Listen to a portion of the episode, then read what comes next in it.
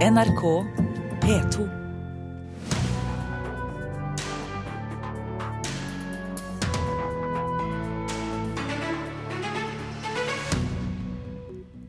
Rekordmange barn og unge har sett den omstridte ut utstillingen 'Melgaard og Munch' på Munch-museet.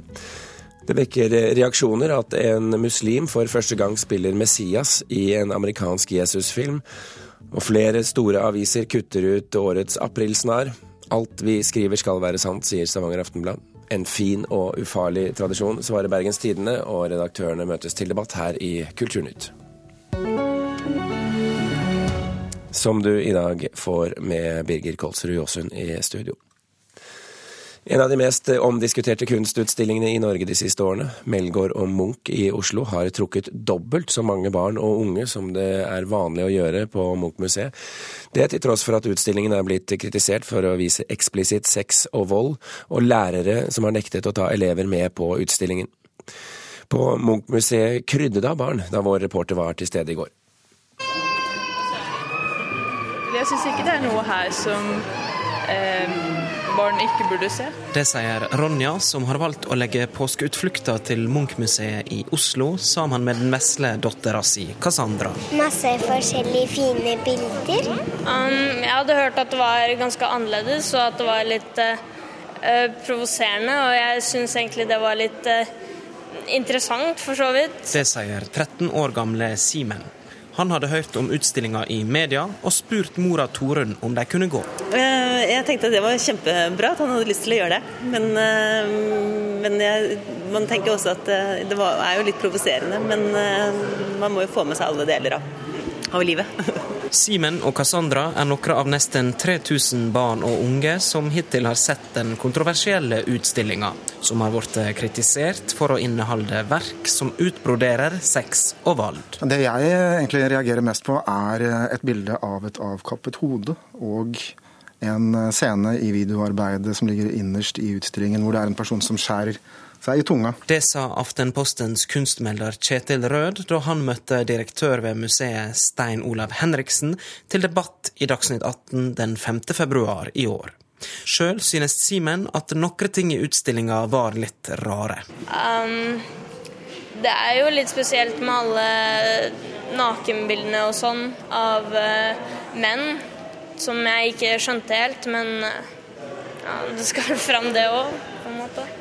Jeg synes akkurat her vi står nå, i dette egne rommet hvor Melgaard har fått lage sitt nye verk, så er det jo veldig mye spennende for barn å se på. Det er disse rottene, skaterottene. Det er Muppeten med Bjarne Melgaard og alle disse myke elementene av saccosekker og tepper og sånn. Det sier formidler ved museet Hilde Ødegård. Besøkstallene blant barn og unge er dobbelt så høye som vanlig, og de aller fleste har kommet sammen med foreldre. Nei, altså jeg tror nok folk er jo nysgjerrige, sikkert, og mange vil også kanskje teste det på sine egne barn. Jeg vet ikke de, liksom, hvordan de reagerer. Og jeg syns det er synd om denne utstillingen ikke skulle blitt besøkt av noen, fordi den har fått så mye fokus på dette med aldersgrense. Nå, nå setter vi Munch i nye sammenhenger hvor vi ønsker å fokusere på eh, å trekke ut kanskje andre sider da, enn det som har vært vanlig. Og reporter på Munch-museet, det var Lars Ivar Nordahl. Den amerikanske Munch-samleren Sally, Sally, Epstein er ytterst sjokkert, som hun sier, over Norges behandling av Munch-arven. Det skriver Klassekampen i dag. Hun sikter til kunstneren Bjarne Melgaards planer om å bygge et massivt boliganlegg titulert House to Die In på Kikkutkollen ved Ekely, Munchs hjemtrakter på sine siste dager, og det har vekket reaksjoner flere steder. Nå ber den amerikanske Munch-samleren Oslo kommune og Byantikvaren om å få prosjektet stanset. I går var det offisielt 70 år siden Anne Frank døde, bare 15 år gammel. Under gårsdagens markering kom det imidlertid frem at forskere nå mener Frank døde allerede i februar 1945.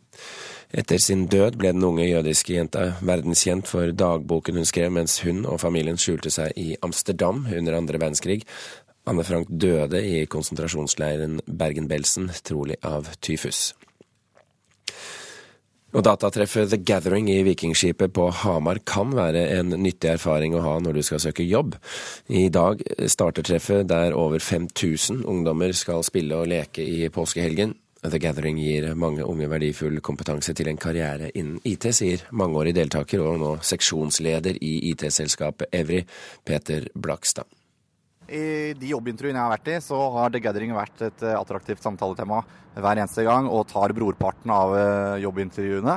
Eh, slik at det er en helt klar stor verdi for meg å ha det på min CV. Han mener suksessen ligger i måten som The Gathering er strukturert. Eh, The Gathering er oppbygd sånn at eh, du har muligheten til å flytte på deg internt i, i crew, dersom du selv er motivert for det, for å lære noe nytt eh, hvert eneste år. Og lærercrewen er veldig bratt her, slik at man kan tilegne seg veldig mye kompetanse ved å være crew her, og har dermed mye realkompetanse når man kommer ut i jobbmarkedet etter hvert. Reporter her, det var Knut Øyvind Hagen.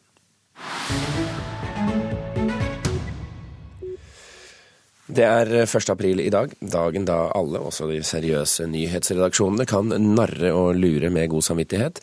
Men flere norske mediehus har nå droppet den tradisjonelle aprilsnarren. Og det kan dermed bli langt mellom spøker som denne i norske medier i dag.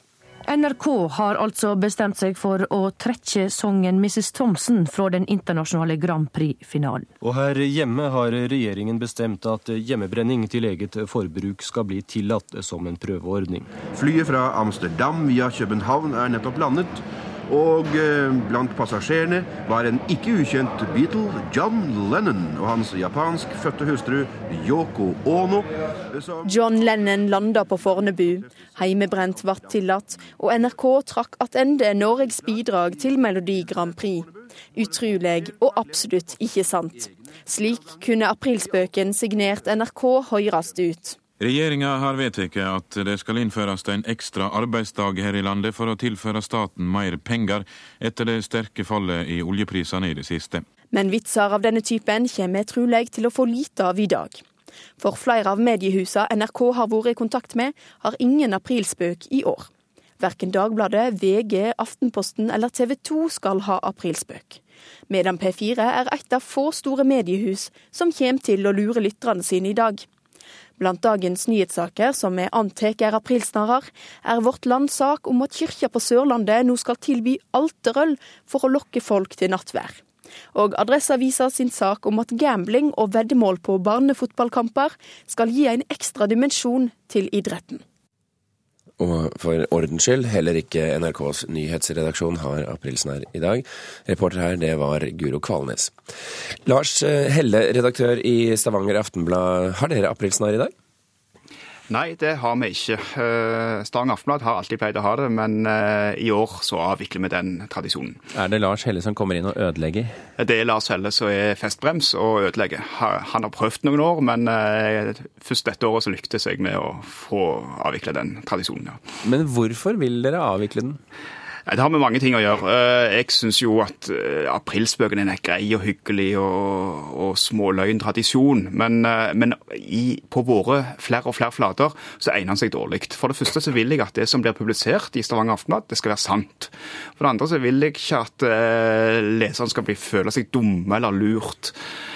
Og så er det det problemet at før i tida, når du hadde en papiravis, og NRK hadde en radiokanal og en fjernsynskanal, så kunne det være mulig å ha en sånn spøk. Men nå har det liksom blitt så mye inflasjon i disse spøkene, hvor alle mediehus har forskjellige spøker på mange flater, og så blir det liggende igjen til neste dag, så det blir bare forvirring, og det skaper enda mer usikkerhet. Så jeg syns at uh, aprilspøker ikke hører hjemme på, i, i mediene.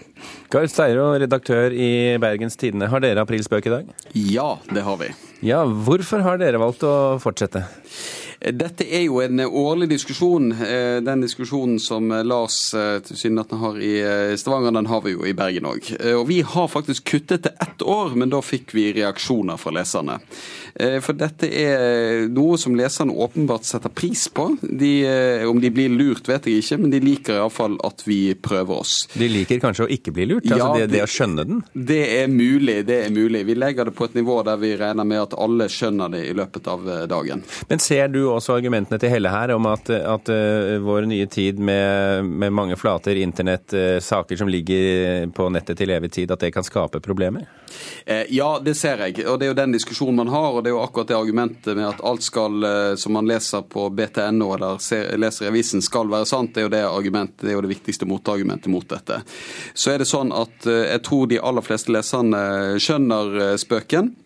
Og de som ikke skjønner han, blir gjort oppmerksom på han i løpet av dagen. Dette som ble liggende på nettet, da kan vi jo bare legge inn i saken etter hvert at det er en aprilspøk når man kommer over til 2. april. Kan ikke dere også gjøre det, Lars Helle? Det kan vi selvfølgelig gjøre, men igjen, hovedpoenget mitt er at det som står i Stavanger Aftenblad, det skal være sant, det skal stemme. Og Men også vet jeg dere har vel tegneserier og spøkesider og sånn, har det Ja, ikke det? men det er jo en helt annen setting. Dette er jo sånne ting vi setter inn på vanlig reportasjeplass. F.eks. lage en nyhet om et eller annet eh, ting som skal skje i lokalmiljøet, og, og gjerne skal lure folk ut på byen for å ha med seg et eller annet, eller for å hente noe gratis, eller hva denne fantasien eh, kan være. Ofte er dette svært mislykka. Av og til er de vellykka, men det, er- sjelden. Og jeg er helt sikker på at når dere skal lage en kavalkade i dag over aprilspøkene, så er det svært få av de som er skikkelig gode. Eh, Steiro, er det, er det eh, slik at bergensere skjønner en spøk og siddiser ikke? Det er mulig. Det er, det er mulig. Jeg vet at jeg drar opp en vanskelig ja, altså, i. Berg, I Bergen har de så mye ting å, å le av egentlig at de burde ikke være nødvendig med aprilspøk i det, Det hele er tatt. sant. det er har- sant. Hver utgave er en spøk. Men, Ja. det, er, men det er jo sånn, at- det er jo sånn jeg, ikke- jeg er jo enig med Lars at jeg syns veldig mange av disse spøkene ofte er dårlige, og det er jo hovedproblemet med de. Eh, og så syns jeg noen av de er riktig gode. Noen, syns, eh, noen eh, ler jeg godt av sjøl. Det vi har sett, er jo at leserne engasjerer seg i dette. Vi får begynner å få inn forslag til aprilspøker eh, like over eh, jul, og også, de, eh, også like etterpå så, nå, så får vi jo masse positive reaksjoner på dette. Jeg syns det er en fin, helt grei relativt ufarlig tradisjon. Jeg tror faren for at disse svekker eh, avisens troverdighet, er, eh, er relativt liten. Vi får en knippe henvendelser, og jeg har liggende en del av de, av de med gode, gode og halvgode forslag på aprilspøk. Og Det kommer også til å være folk i dag som tror at vi har en spøk, og prøver å finne ut hvilken av de sakene vi har publisert på nettet og har på trykk i papiravisen, som er spøken. Så, eh, så de, må jo, eh, de kommer jo til å bomme.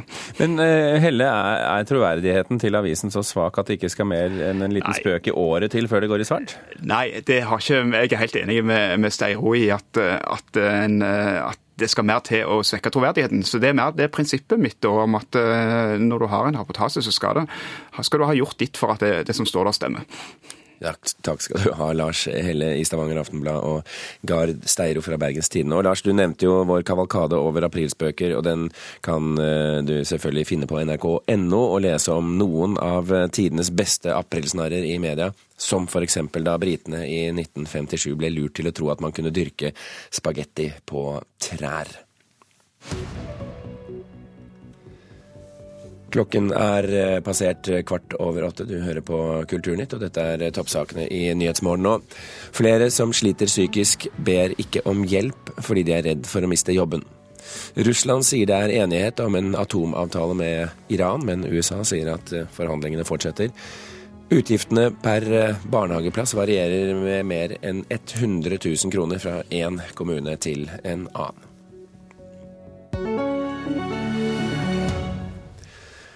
Vi må ikke glemme at det, er, at det ikke bare er karikaturer og islam som skaper kontroverser. Også filmer om Jesus er kontroversielle og har tidligere vært møtt med både bomber og vold. Det sier prest og teolog Ole Jakob Løland. På søndag hadde filmen Killing Jesus premiere på TV med en muslimsk skuespiller i rollen som Messias. A miracle could save you. We will love our enemies. You preach weakness. Det ser ut som det er en del eh, klisjeer som, som går igjen, med, med langt hår og skjegg og ganske blankpolert. Prest og teolog Ole Jakob Løland snakker om Hollywoods ferskeste fremstilling av Jesus. Langt hår, skjegg og kjortel er som vanlig på plass i National Geographic-produksjonen Killing Jesus, men for første gang har en amerikansk produksjon valgt en araber i Jesus-rollen, og konservative kristne i USA har reagert på at muslimen Has Sleiman portretterer Kristus i filmen.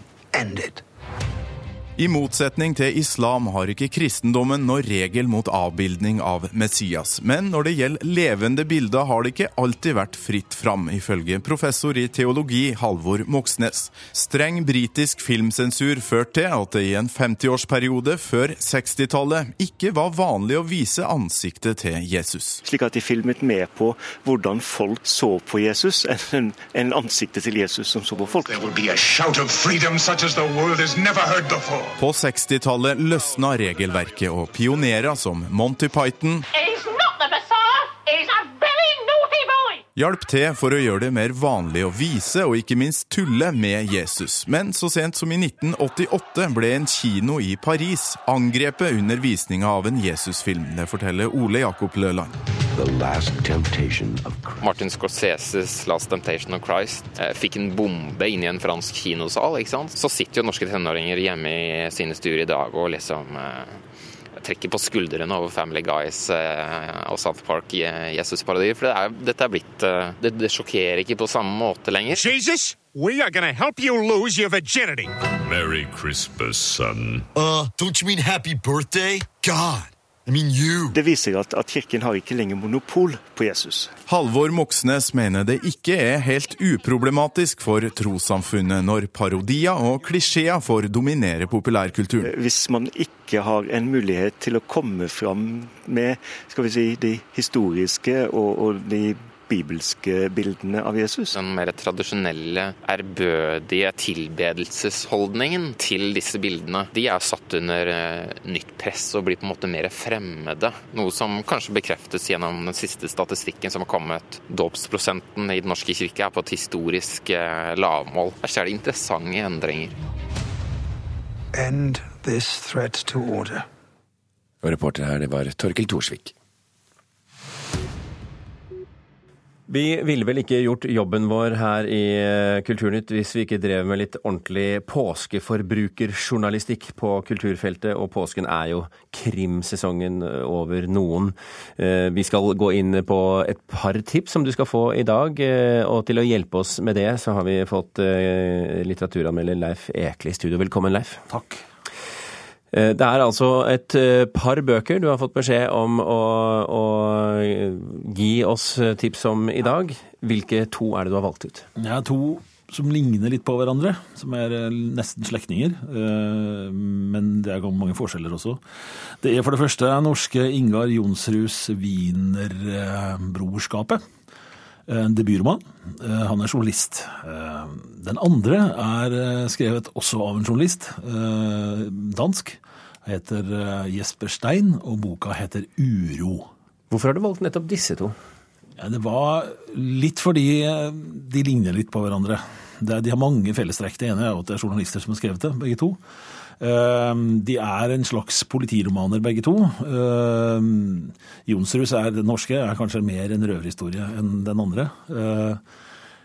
Det er en sammensetning av politifolk. Det er altså den litt klassiske, vanskelige politimannen som enten er vanskelig fordi han har opplevd noe fælt, eller fordi i det danske tilfellet fordi han har dødsangst og fullstendig gir blanke i hva sjefene synes. Det har vi jo vært borti før. Og så er det en kobling til PST. Og, eller PET, som det heter i Danmark. Og så er det en viktig forskjell. Den danske er knytta til virkeligheten på en bra måte. Den norske er det vel bare så nettopp. Ja. Hvilke kvaliteter er det disse har som krimromaner som du fascineres av? Ja, de er spennende begge to. Det er jo et nøkkel, det er, ja, det er nøkkelbegrep i, i påskeromanen. Det er litt derfor vi driver med det, ja. Uh, og i, i Jonsruds tilfelle så er det litt sånn at jeg liker boka litt på tross av. Uh, og det er på tross av at den er Den har veldig et preg av å være funnet på. Uh, og det kan jo være greit nok at stort sett så er alle bøker det, men noen er mer funnet på enn andre. Det dreier seg om Det begynner med at datteren til en kjent KrF-politiker forsvinner blir helt borte. Hun har riktignok for lengst forsvunnet til en menighet, en ytterliggående kristelig menighet i, i, i Maridalen, som heter Solro. De er på en gård som heter Solro også. Og ikke før er hun forsvunnet, så begås det en massakre på denne gården i Maridalen. Og vår mann Fredrik Beyer blir sendt dit. Og etter at han har blitt presentert for sin sidekick Han har egentlig en norsk sidekick også, men det blir veldig Kafa Iqbal som er, som er hans sidekick. Og hun kommer fra PST. Ja. Og der er det, jo, det ene påhittet er jo at hun da så enkelt og greit på en måte havner i politiet og, og frigjøres fra PD. Ja, litt pussig det der. Eh, men det blir veldig spennende, og det dukker veldig fort opp en kobling da, til eh, rasehygiene og rasehygieneteori fra mellomkrigstida og andre verdenskrig. Og det viser seg at der er det en kobling. Det er også en kobling til moderne terrorisme og ytterliggående tenkning generelt, og totalitær tenkning. Eh, og det er litt synd at akkurat dette blir så funnet på, fordi det kunne ha vært bedre. Men, eh, Men du liker det til tross for, som ja, du sier? jeg liker det til tross for. Det er fint. Ja. Eh, Den andre i Danmark? Ja, det er en klassisk politiroman. Den er ikke original på en flekk på den måten. Svær bok, nesten 500 sider. Men det som skjer der, der har vi også en sånn, en sånn villbass av en politimann. Aksel Steen. Som bor på Nørrebro. Til tross for at Nørrebro ikke er spesielt eh, altså, tradisjonelt dansk lenger. Det bor mange andre der. Eh, Og så har du Assistens kirkegård, selvfølgelig, som ligger der den alltid har ligget, og alle disse berømthetene er begravet. Og det, det Jesper Stein har gjort, eh, er å koble koble boka si til begivenhetene på Nørrebro i 2007. Da var det store, store opptøyer på, på Nørrebro i forbindelse med at politikerne bestemte at det såkalte ungdomshuset skulle tømmes og rives. Og, og svære grupper av ungdommer, ikke minst ledet av de såkalte autonome, eh, slåss med politiet. Og det var virkelig det var krig, altså. Molotov-cocktails og branner og, og, og, elendighet i, i mange dager. Og dette er knytta veldig tett til. Eh, vår mann Aksel Steen bor der, som sagt. og og, og, og forfatteren får på en måte forklart hva som foregår, uh, uten at han på en måte velger side klart og tydelig, men han får veldig fram at politikerne gjør mye dumt, at politiet gjør mye dumt. Men også at de autonome er enkle og, og, og enspora i, i tankegangen veldig ofte. Men, men, men ligger det en slags gåte her i den boka? Ja da, ja, det ligger en gåte der. Selvfølgelig gjør det det. Eh, Vi må ikke glemme den. Inne på Assistens kirkegård den ene natta så dukker det opp et lik lent opp mot kirkegårdsmuren. Eh, Hadde ikke noe der å gjøre, for den var helt avsperret, denne kirkegården. Eh, Og dette liket er kledd som om det var en autonom. Ikke sant? Doc Martens-støvler, militærbukse, svart hettegenser eh, og finlandshette. Eh, Og spørsmålet er det sånn at det er en autonom, og er det politiet rett og slett som har tatt livet av denne fyren? Så enkelt er det jo ikke, da. Det viser seg også at det er noen koblinger her til narkotikahandel med Balkan, gjengkriminalitet på Nørrebro. det er godt gjort, altså. Det er ganske spennende. Dette er altså Jesper Steins bok 'Uro', som er det ene tipset. Og vi snakket også om Ingar Jonsruds eh, 'Wienerbrorskapet', som er det andre tipset. Litt forskjellig, litt like. Og ja. to bøker, eh, det greier man i påsken. Det gjør man selv om den ene Det er ganske lange begge to. Ja, ja. Man får lese fort. Får man for lite, så er Jesper Stein allerede, eh, har Jesper Stein allerede skrevet to bøker til om Aksel Steen. Og det ville overraske meg mye hvis ikke det kommer en til fra Jonsrud også, for det er liksom et opplegg til det her, da. Vi får se hvordan det vikler seg ut. Leif Ekle, takk for at du kom til oss.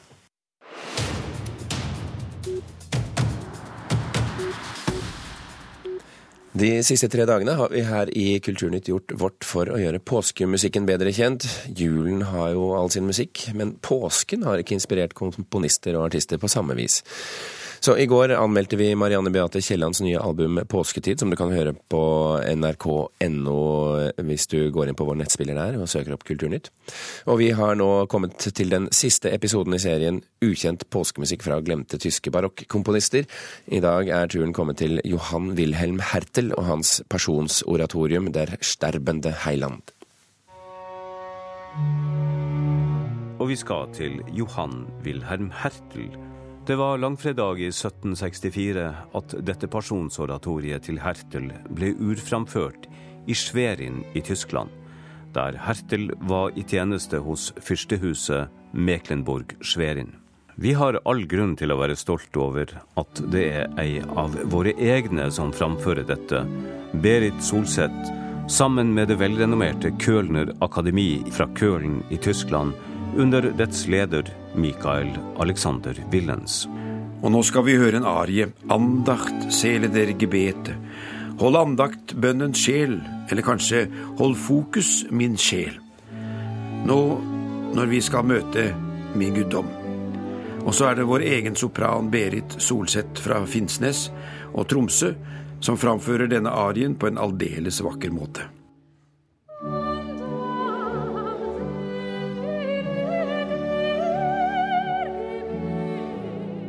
Ja, og hun synger så klokkeklart og vakkert i all sin diksjon og toneprakt. Det er en fryd å høre på henne, og dette flotte ensemblet som går til skattkisten og henter de glemte komponistenes musikk.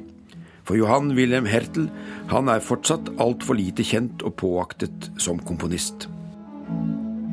Glemt påskemusikk av den tyske komponisten Johan Wilhelm Hertel var det her vi hørte, med Kölner-akademiet under ledelse av Michael Alexander Willens.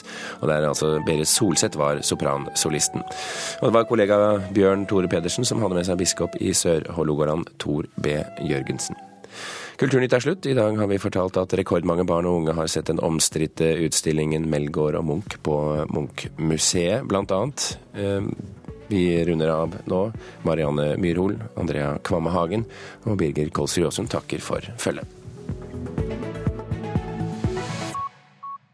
Hør flere podkaster på nrk.no podkast.